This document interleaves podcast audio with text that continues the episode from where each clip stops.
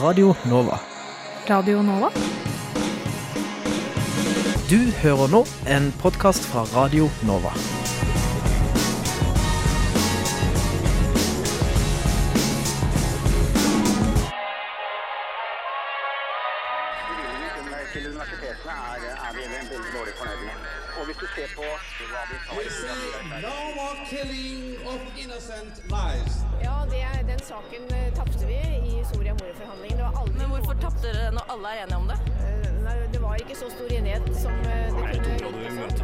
Tradisjonelle brytningen mellom individets frihet og samfunnets ønske om beskyttelse. Lokalt, nasjonalt, internasjonalt. Nyhetsdialog går i dybden.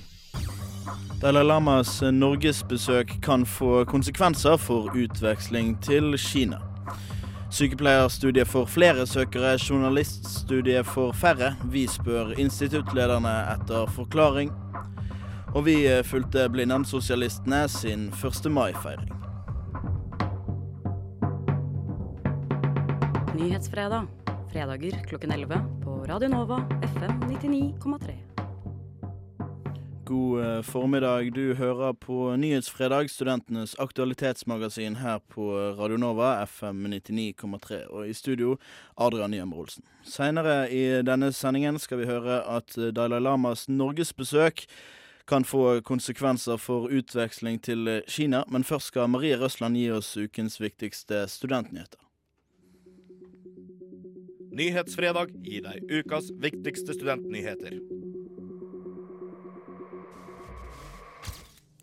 Kinesiske utvekslingsstudenter risikerer sanksjoner hvis de deltar på møte med Dalai Lama på Det norske studentersamfunn.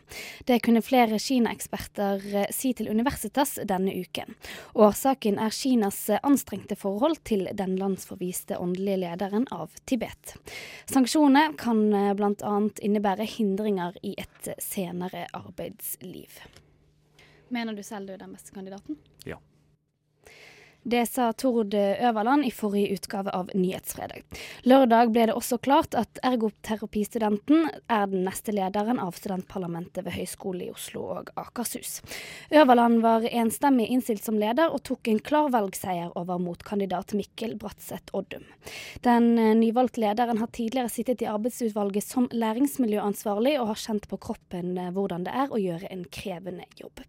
For i mars så gikk han ut i avisen Krono og fortalte om hvordan han gikk på en psykisk smell etter et år i arbeidsutvalget. Han vet nå hva som skal til for at det ikke skal skje igjen. det som kan gjøres for at det skal at jeg ikke skal gå på smellen, er at eh, folk rundt meg passer på meg, og at jeg også passer på meg sjøl, og at jeg passer på andre. eh, Slik at ingen andre går på samme smell. Fordi sånn skal det ikke være. Debatten om eh, homofile ekteskap i kirken er ennå ikke ferdig. Og denne uken eh, gikk homofile, den homofile teologistudenten eh, Geir Viknes ut og ba om at han og hans homofile og andre homofile skal kunne gifte seg i kirken. Han tror likevel at det er, ikke er lenge til kirkemøtet snur, og at det gradvis skjer en liberal endring i Den norske kirke. Tror du at du vil kunne gifte deg i Den norske kirke om ikke så altfor lenge? Jeg, jeg tror det, og jeg tror at jeg vil få, få gifta meg i den kirka jeg vil. Og jeg tror at prestene vil få muligheten til å vie følge samvittigheten sin. Fordi dette er et samvittighetsspørsmål for, eh, for norske prester, og det, det, det må vi ta på alvor. I USA er 55 universiteter og høyskoler under etterforskning for eh, feil håndtering av saker som omfatter seksuell vold og trakassering. Det kunne CNN eh, melde torsdag etter at eh, det amerikanske utdanningsdepartementet bekreftet ryktene om etterforskningen. Det var ukens eh, viktigste studentnyheter. Mitt navn er Marie Røsland. Du hører på Nyhetsfredag, studentenes aktualitetsmagasin her på Radio Nova, og om litt skal vi høre fra tillitsvalgte studenter som ville bade i Unge Høyrets eh, blod på 1. mai. Det var eh, Burning God Little med eh, Sorry for i går eh, her på eh, Radio Nova FM 99,3, du hører på Nyhetsfredag. Selv om eh, regjeringen har bestemt seg for å ikke ta imot Dalai Lama, skal den landsforviste åndelige lederen av Tibet gjeste Det Norske Studentersamfunn neste uke. Men eh, ikke alle studenter kan dra på dette møtet helt uten konsekvenser. I Kina så kan du si det er eh, en litt sånn tradisjonell måte å si det på, er at det er tre T-er som du aldri skal nevne. og Det ene er Tibet, det andre er Tiananmen og det tredje er Taiwan. Det forteller Halvor Eifring, professor i moderne kinesisk ved Universitetet i Oslo. Han er en av flere Kina-eksperter som tror at kinesiske utvekslingsstudenter risikerer sanksjoner hvis de deltar på Dalai Lamas besøk hos Det norske studentersamfunn. Det som har vært tilfellet i eh, veldig lang tid i Kina, det er jo at det følger alltid en mappe med deg. Vi kjenner jo tilsvarende fra Norge, men det er en helt annen eh, skala over det i Kina. Eh, og at eh, det kan være med å bestemme deler av dine eh, karrieremuligheter videre i livet. Sånn at eh, mange er veldig klart engstelige for hva som vil skje dersom de skulle finne på å eh, dukke opp på eh, arrangement med Dalai Lama.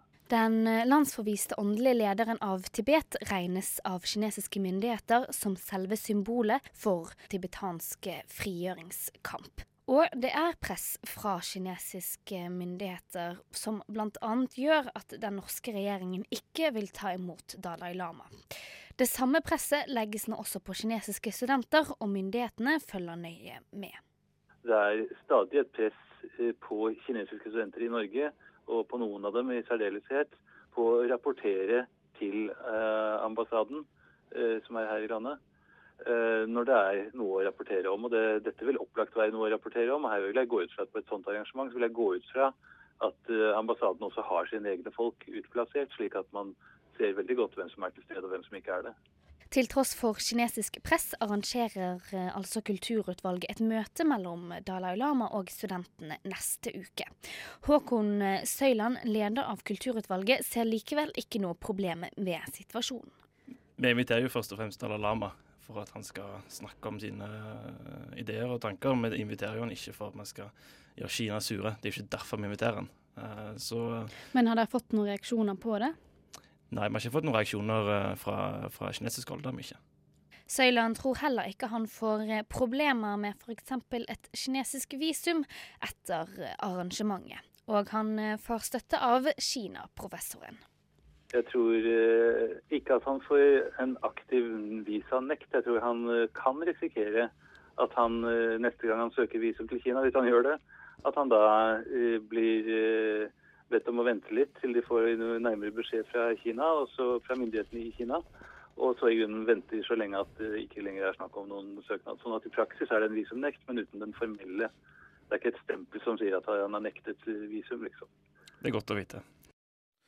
Det var reporter Marie Røsland som bl.a. hadde snakket med Kina-professor Halvard Eifring om Dalai Lamas besøk på Det norske studentersamfunn. Mer om denne saken kan du finne i onsdagens utgave av Emneknaggen på Soundcloud og radionova.no. Radionova, FM 99,3 og radionova.no.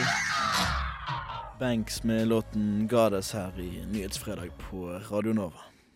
Hei, jeg heter Jonas Gahr Støre. Du hører på Nyhetsfredag. Følg med og ha en fin fredag og god helg. I går var arbeidernes dag, og folk ropte for å stryke kristenkorset og vaie flagget rent og rødt.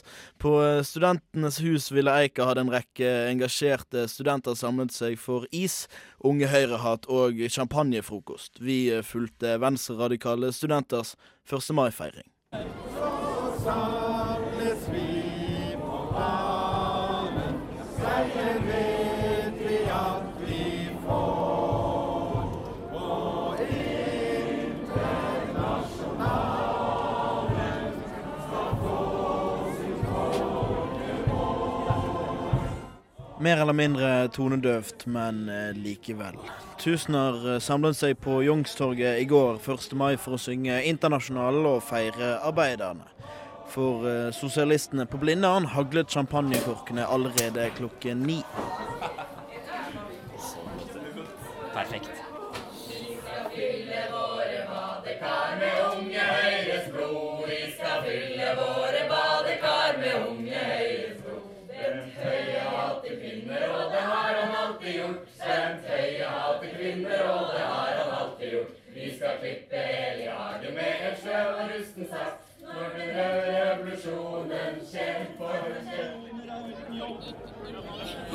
Fattige husløse vokser.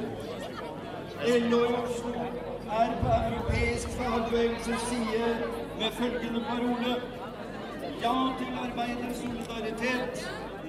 Det var ikke mye pent de hadde å si om høyresiden i dag. De eh, trakk ned på Youngstorget for å gå i tog med røde faner. Eh, jeg, jeg, kan ikke historien bak eh, altså, Jeg vet ikke hvor mange som har vært eh, aktive på 1. mai tidligere, men jeg syns jo det er fantastisk at man fyller Youngstorget og har masse tusen folk som kommer og står i kø, og fortsatt eh, jobber for sine saker. Det er en dag for aktivisme og for, eh, for å feire, og det er gledens dag. Sier Mari Hegglum, aktivist i Venstrealliansen og med ansvar for burgere i dag. Det er, det er fortsatt eh, mange ting som, eh, som kan bli bedre. Selv om vi har det bra, og det skal vi huske også. Gikk du i tog i dag? Ja. Hvorfor det? Eh, jeg følte det var det riktige å gjøre. Ja, jeg gikk i tog i dag. Hvorfor det? Nei, Det er for å vise solidaritet med arbeidere i alle land, og for, også for å vise, vise støtte til den politikken som venstresiden eh, har i Norge. Og ja, For arbeidsrettigheter og mer fritid og god lønn og gode arbeidsvilkår og hele pakken. Gikk du tog i dag? Nei, det gjorde hun ikke. Hun var hjemme og så på Dawson's Creek eh, og koste seg. Tok en langfrokost. Lagde god mat, e- egg og bacon. Eh, litt salat. Hjertesalat, faktisk, for den er litt sunnere. Eh, og koste seg. Farris eh, istedenfor vanlig vann. Så det gjorde Nora i dag tidlig. Koser du deg? Eh, ja, jeg sov lenge. Jeg kom egentlig rett hit. What he said. Labour Day today. How do you feel about that? It's fantastic. Why? It's a great day where we're celebrating a really great thing. Did you go like in the parade? I did not have a chance to go in the parade, but uh, I would have liked to. Why? It's uh, it's a feeling of uh, almost community in a way. We're all celebrating something uh, that we all care about, and being a part of that is really great. Sa de mange på blå på eh, 1. mai-festen Rød på blå, som ble arrangert i går for 15. år på rad. Eh, dere samles, eh, knippe mennesker som eh, studerer høyere utdanning, drikker champagne klokken ni og går i tog for arbeiderne. Ser du en liten ironi i det? Ja da, det gjør jeg. Eh, Det er helt riktig. Altså, det, det er sikkert mange her som ikke skjønner arbeiderkampen som har vært eh, tidligere. Det er sikkert mange som ikke har noe erfaring med uh, internasjonal arbeiderkamp. Mange land har det uh, verre enn vi har det her. Rødstrømpene fortsatte med champagne, og det virket som de hadde samlet seg flere på blå enn som stemte rød-grønt ved stortingsvalget i fjor. Eh, Planen videre er at jeg skal prøve å få meg et skift i grillen, sånn at jeg slipper å stå der hele kvelden. Og så skal jeg egentlig bare drikke øl og hilse på alle kjente her, og kanskje møte noen nye folk, og høre på den fine musikken. Jobb 2. mai? Ja, eh, ja jeg, skal, nei, jeg skal studere. Jeg skal ha forelesning i morgen klokka ni, faktisk. Det, det blir ikke sånn superseint, men vi får se hvordan kvelden utvikler seg. Ja. Takk. Til slutt hørte du studentpolitiker Mari Hegglum. Reporter her var Adrian Nyhammer Olsen. Radio Nova. Teacups av uh, Sorceress her på eh, Radio Nova FM 99,3. Du hører på Nyhetsfredag. Høyskolestudentene har fått ny leder. Han eh, betegner seg sjøl som en hard leder, vil ha færre konkrete mål og heter Tord Øverland. I eh, onsdagens emneknaggen møtte vi han og avtroppende leder i studentparlamentet på Høgskolen i Oslo og Akershus, Line Støland, og vi skal høre fra emneknaggen. Lørdag eh, var det klart. Studentenes eh, nye leder på Høgskolen i Oslo og Akershus heter Tord Øverland. Dette eh, var klart etter at han hadde vunnet en eh, valgkamp mot Mikkel Bratseth eh, Oddum. Og først, Tord, så kan vi gratulere med seieren. Tusen takk. Var, var det den rette som valgt, vant? Det syns i hvert fall jeg, og det syns parlamentet òg, så da får jeg vel si ja. Hva er det du ser først, eh, først og fremst eh, frem til ved å være studentparlamentsleder? Oh, det er et godt spørsmål. Jeg gleder meg veldig til å sette meg ned med, med teamet og begynne å snakke litt grann om hva vi har lyst til å gjøre det kommende året. Og eh, i samspill med både parlamentsfolket og ja, avtroppene og begynne på overlappen. Det, det, det er mye å glede seg til, i hvert fall. Men det er ikke en ukjent sak at uh, du i tidligere eh, studentpolitiske verv, har uh, kom, gått på en liten smell. Som man kan pent kalle, det. Hvordan kan man unngå at du igjen blir utbrent? Først og fremst så er jeg mye mer klar over utfordringene denne gangen. Og det var ikke når jeg satt i vervet forrige gang jeg gikk på smellen, det var etterpå når jeg prøvde å både kombinere og ha en tilnærmet 100 %-stilling i alt jeg gjorde utenom om studiet. Og overgangen tilbake til studiet var litt for hard for meg. Jeg ble en sånn eh, en av veldig mange i klasserommet. Eh, det som kan gjøres for at det skal at jeg ikke skal gå på smellen, er- at eh, folk rundt meg passer på meg, og at jeg også passer på meg sjøl, og at jeg passer på andre. eh, slik at ingen andre går på samme smell. Fordi sånn skal det ikke være. I studio så har vi også Eline Støland. Du skal eh, få være, ha tittel leder en liten stund til. Hva er det som du ser da som det mest utfordrende med det å sitte som studentparlamentsleder på høyskolen? Jeg syns kanskje det er utfordrende det at man skal sitte der et år, og i løpet av det året så har man veldig mange ting man vil oppnå. Og det å velge de riktig strategiske metodene for å få gjennomslag for de sakene man jobber med, og rett og slett prioritere på daglig basis hva er det viktigste å ta fatt i i dag, det syns jeg er det mest utfordrende. Tror du Tord klarer dette? Definitivt. Jeg har veldig stor tro på det. Hvordan skal du prioritere da, Tord? Prioritering eh, går gjennom at man gir klare og tydelige beskjeder til parlamentet når de skal vedta handlingsplan. Handlingsplanen er det som er det førende dokumentet for hva vi skal jobbe med. Og det å kutte ned handlingsplanen er noe som jeg har uttalt tidligere at man må gjøre. Eh, Nå er den på seks sider, ikke sant Eline? Seks sider, og det, det, det, er mange, det er mange sider det er mange punkter. Man må kutte litt ned på den. I tillegg så må man bruke sommerferien på å forberede seg på året som kommer. Og nå har jeg delvis glemt spørsmålet fordi det har vært en lang dag, men jeg tror jeg svarte på det. Men eh, det var, Du svarte på det. Men Eline, eh, hva er den største utfordringen Tord har foran seg? da? Altså, Hva er det han må jobbe mest med, sånn som du ser det? Jeg tror det er det at eh, som eh, studentpolitiker så har man ikke noe formell makt. All makten man har, den, den ligger i å påvirke de som har formell makt, og jobbe med å spille opp gode ideer og rett og slett få på agendaen de sakene man selv jobber for, uten at man har noe som helst forum der man kan stemme for å få noen andre til å vedta det. Så derfor så vil jeg si at det er en, en utfordring å rett og slett ja, håndtere det at man ikke har noe formell makt. Håndtere det at du ikke har noe formell makt. Eh, Har du store ambisjoner om å få gjennomslag, eller hva, hva, hva er det du skal få gjennomslag for? Få gjennomslag for, det er jo politikken som vi vedtar gjennom god kursing av de som er tillitsvalgte som sitter i råd og utvalg som har formell makt. Så vi har representanter inn, selvfølgelig ikke de som sitter med den eh, ene og alene, men vi har påvirkningsmulighet. Da går det på kursing og at vi får på plass gode og saklige argumenter som fremmer våre synspunkter på en fornuftig måte. Det har vi hatt veldig lenge, men vi trenger nye. og Vi trenger spesielt på områder som ikke alltid både ledelsen og studentene er enig i. Da trenger vi på en måte prøve å være litt mer kreative på hvordan vi formulerer oss og hvilke argumenter vi bruker. Er du klar for dette? Ja. Men eh, hvis eh, du, sier at, eh, du sier at du skal være en sjef, og ikke Nei, ikke en sjef, men en leder. Hva er forskjell på de to tingene? Vesentlig forskjell på de to tingene er jo det at en, en sjef er en du, i hvert fall sånn som jeg assosierer med ordet sjef, så er det en som tar alle avgjørelsene, som bestemmer alt og på en måte eh, mer en komman- kommanderende person enn en, enn en, eh, en leder som jobber for å få fram det beste i et team, eh, en samlet eh, enhet. Men eh, hvis du skal mm, Nå får du vite Aveline, hva som er utfordrende og vanskelig. Eh, Hva er det du har sett av Eline sitt arbeid som du tenker at dette skal gjøre annerledes? ja. Det er jo veldig gøy å sitte og se på Line mens jeg skal si hva hun kunne gjort bedre. Du Eh, sier du er en hard studentleder, så nå må vi Ja, jeg er en hard studentleder, det stemmer. Eh, nei, først og fremst eh, mer synlig i det offentlige rom. Uh, tror jeg er fornuftig. Jeg tror eh, både skolen og vi er moden til det. Eh, der, der, beklager Line, der har, har vi studentparlamentet en vei å gå, og det ønsker jeg at eh, vi skal få til.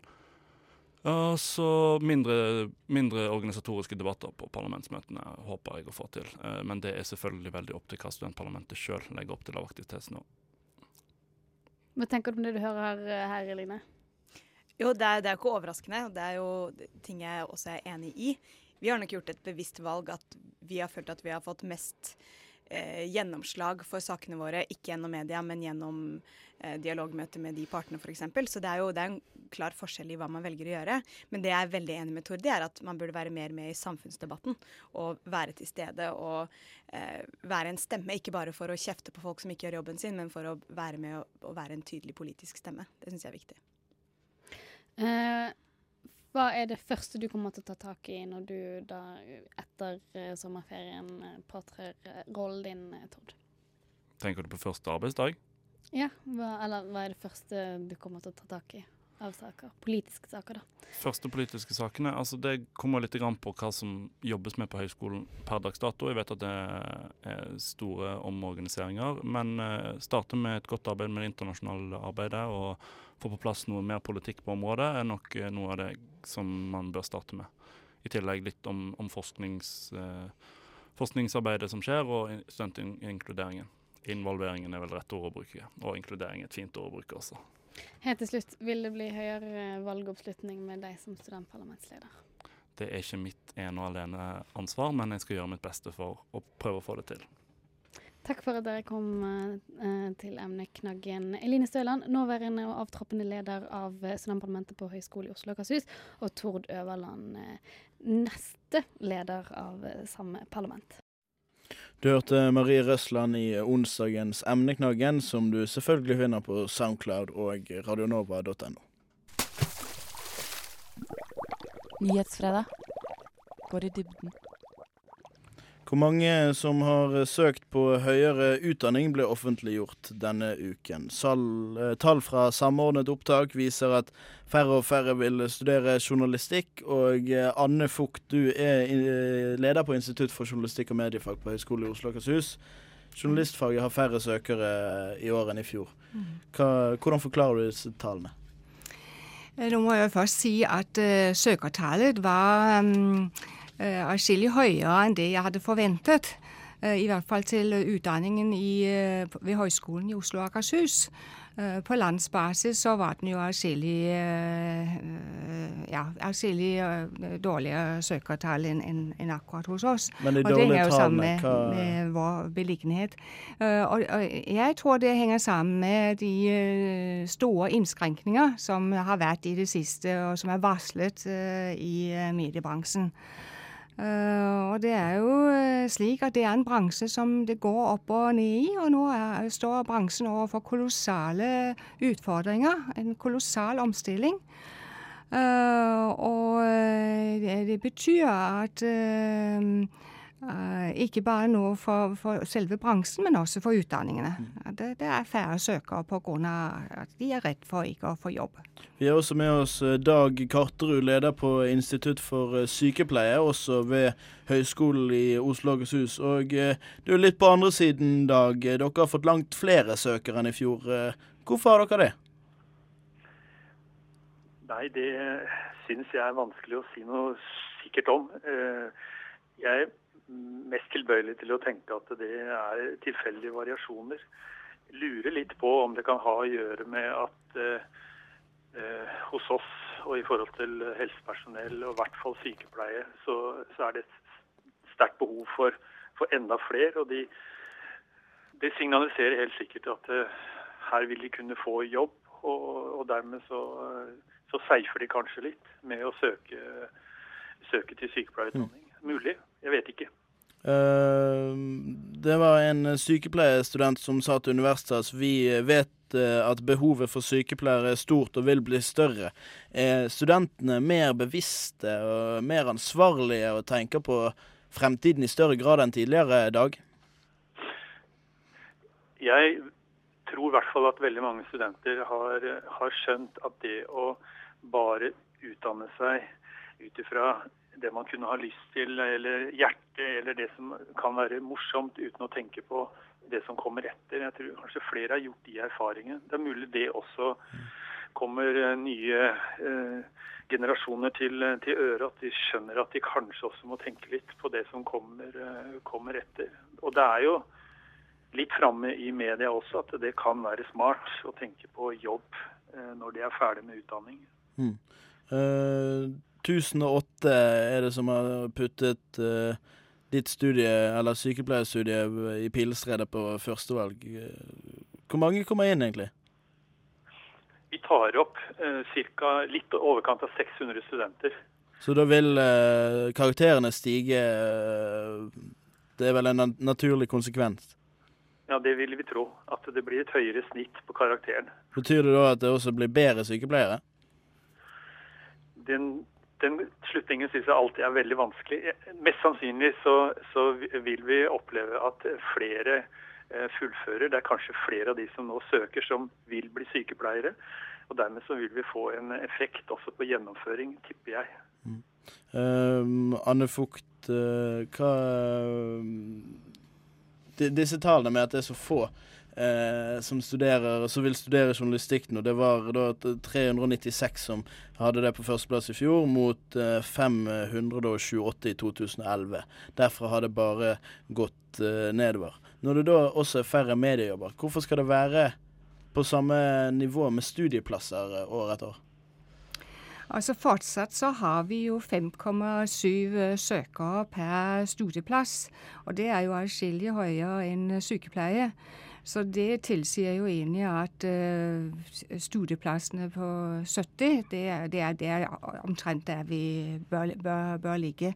I hvert fall uh, en, stø, en stund fremover. Uh, jeg må jo si at eh, Eh, Jeg, jeg syns det er viktig at vi får dedikerte søkere. Det, det, er- det er vel så viktig som eh, kanskje eh, vi har veldig mange søkere. Så du er ikke bekymret for situasjonen? Jo, jeg er bekymret hvis det er en trend som fortsetter. På sikt så kan det her være farlig. Hva- hva- Altså, da tenker jeg ikke på utdanning, men da tenker jeg på pressen i det hele tatt. Men på hvilken måte da?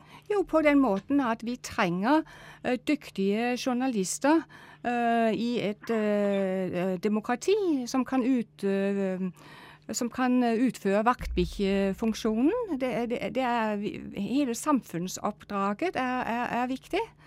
Og, og derfor er det viktig å få eh, utdannet flinke eh, journalister. Og derfor er jeg glad for at vi fortsatt har 5,7 eh, søkere per plass. For det tilsier at eh, vi eh, kan eh, få tak i Så det, dyktige det er ikke studenter. tale om å kutte studieplasser? Ikke foreløpig, i hvert fall. Kan det bli det? Altså Hvis trenden fortsetter eh, Vi må jo holde det Jeg går ut ifra departementet holder det det er under oppsikt. Men eh, foreløpig så, eh, så mener jeg at eh, med 5,7 søkere per plass, så bør vi absolutt eh, holde på de eh, 70 studieplassene vi har i første klasse. Dag Karterud sa her i sted at det kunne være et utslag av en, en, en naturlig bølge. Eh, at det kan eh, slå andre veien neste år. Hva tenker du om det, Anne? Ja, det, det mm, spørs jo hva som skjer i eh, mediene fremover. Hvis denne her trenden til oppsigelser den snur, og man begynner å ansette journalister, unge journalister igjen, sånn som man gjør i VG TV f.eks., så, eh, så tror jeg vel kanskje at det her det, eh, vil kunne, kunne snu igjen. Da setter vi strek der. Takk til deg, Anne Fugt, instituttleder på Institutt for journalistikk og mediefag ved Høgskolen i Oslo og Akershus, og Dag Karterud med oss på telefon, instituttleder på Institutt for sykepleie ved samme utdanningsinstitusjon. Radio Nova. Soul eh, Calling med The Same her på eh, Radio Nova. Eh, Du hører på Nyhetsfredag eh, 99,3. USA, Canada, Brasil, Costa Rica, Chile, Peru, Mexico. Det handler om å skape det europeiske området for høyere utdanning gjennom å tilpasse høyere utdanning i Bologna-landet, sånn at det skal bli lettere for studenter og akademikere å utveksle. Det er jo et brudd på studentene sine retter. Nyhetsfredag. Radio Novas aktualitetsmagasin. Hver fredag på FM 99,3. Russland og eh, Vladimir Putin er i eh, annekteringshumør og begrenser ytringsfrihet i landet som har høyest andel studenter eh, i verden. Denne uken besøkte universitet- og høyskolestyret vårt naboland i øst, og Ola Magnussen Rydje, leder i Norsk studentorganisasjon, du var med på denne turen. Hvordan er situasjonen for studenter i Russland i dag? Eh, situasjonen for studenter er jo lik eh, alle andre i landet. Eh, veldig, veldig vanskelig. Eh, man beveger seg i Russland fra å gå fra det som omtales som et eh, autoritært til et eh, totalitært regime. Man er i hvert fall på god vei. Hvor ligger skillelinjene der? Eh, nei, altså nå Skillelinjen er vel kanskje mer det rett og slett om å få ytre seg. Vi ser for, for studenter så er det veldig begrensninger på akademisk frihet. Eh, vitenskapelige ansatte som har ytra seg mot eh, det som skjer i Ukraina om dagen, eh, har også eh, fått sparken, og da med helt eh, tullete grunner som at det plutselig var ph.d.-en deres juks, eller de har eh, seksuelt trakassert studenter eller noe sånt. Bare for å rett og slett kvitte seg med meningsmotstandere. Hvordan har ja, Norge har kuttet mange diplomatiske forbindelser. Sånn eh, besøk som dere reiser på, sender det noe- noen signaler av noe slag? Altså Man kan jo kalle en kontakt mellom, eh, mellom akademia i ulike land, eh, samme hvilket regime er eh, der, som science diplomacy, pleier man jo å kalle det. Altså det å ha en drive go godt diplomati gjennom et faglig samarbeid. Og det er jo det vi, vi var for å gjøre nå. Man oppretta en del avtaler mellom flere, flere norske universiteter og noen russiske institusjoner. Eh, Som går både på utveksling, men også en del forskningssamarbeid. Og opprettholdelse av faglig kontakt eh, understrekes av eh, av Utenriksdepartementet i Norge også som viktig når man skal, skal ha kontakt med Russland. Hva kan Norge gjøre sånn på eh, diplomatifronten? da? Nå har de liksom kult an med å snakke med de. Hva, hva er veien videre fra det for å bedre situasjonen der, eller i hvert fall hjelpe til? Nei, der er, ikke, der er ikke jeg noen ekspert. eh, Men eh, sånn som jeg eh, Når vi har snakket med folk, så sier de at det virker veldig vanskelig i det hele tatt å stanse utviklingen som, som det er i Russland. Man regner med at Putin kupper makta frem til 2024 og vil sitte i, eh, sitte i veldig, veldig mange år til. Og det, det jeg tror vi ikke må gjøre som Norge, det er å gjøre det vanskeligere for russiske studenter å komme hit og da få et annet, eller få utfordra det verdenssynet som blir indoktrinert hos de nå i Russland. At man skriver om fagbøker, man eh, fjerner vestlige eksempler fra mattebøker for å gjøre de patriotiske og russiske. Altså det er en um, Man etterlater ingenting til tilfeldighetene uh, for å skulle uh, rett og slett hjernevaskelig indoktrinere der. Og da tror jeg det er veldig viktig at vi som eh, Norge også tar inn disse studentene og gir de en, hvert fall og utfordrer det verdenssynet. Skal vi åpne grensene helt? Var, I 2012 var det nest flest eh, av de utlendingene som studerte i Norge, så var det russere. 1500 økt eh, fra drøye 700 i 2008. Altså fire år dobling. Skal vi, skal vi åpne grensene helt, eller hva? Jeg tror noe av det vi ikke må gjøre, det er, eh, det er altså da å f.eks. innføre skolepenger for internasjonale studenter. For det sier veldig mye om hvilke studenter fra Russland vi har mulighet til å få hit. Eh, når regjeringen ønsker å innføre, innføre skolepenger for alle utenfor EØS, eh, så vil det være sånn at det er de, enten de pengesterke eller de som har mulighet til enten å kjøpe seg inn, eller altså kjøpe seg diplomer fra, fra russiske institusjoner for å komme hit, eller av de som rett og slett har en økonomisk mulighet da, for å komme her. Og det, det jeg tror vi må ha, det er alle mulige eh, type russiske studenter som kommer hit for å, eh, for å studere i Norge, og da for å kunne ta med seg mange av de, de gode trekkene vi har tilbake. Mm. Uh, NSO uh, var ikke så glad for eh, at Russland eh, eh, begynte å rote i Krim og, og sånne ting, men eh, og, og sender ut et signal der at dette her syns ikke vi er greit. Pussy Riot sier det at eh, å være litt forsiktig med i hvert fall sanksjoner. eh, det sa de til Aftenposten i, i går, var det vel. Eh, er det litt sånn Er vi lillebror og står der og ser opp med valpeøyne?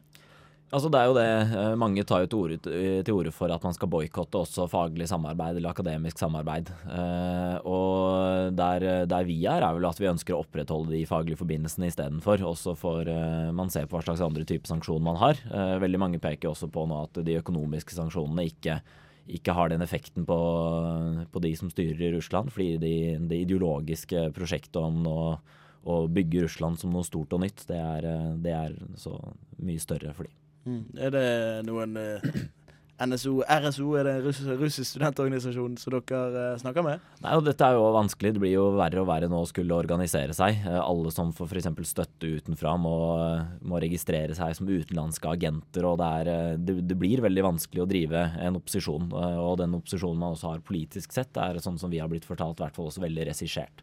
Eh, Så derfor tror jeg det er viktig for oss også nå å knytte god kontakt med de russiske studentene som kommer til Norge. Eh, At eh, alle norske studenter tar et ansvar der. Og så, eh, og så er det jo det med å se på videre, videre type sanksjoner. Da. Vi, vi støtta jo da vi gikk ut mot det som skjedde i Krim. Med okkupasjonen der, så støtta vi den ukrainske studentorganisasjonen, som vi har veldig gode historiske, historiske bånd med, og vil jo vise at vi står sammen med de. Mm. Da setter vi strek der. Takk til deg, Ola Magnussen Rødje, leder i Norsk studentorganisasjon. Du lytter til Radio Nova på FM 99,3.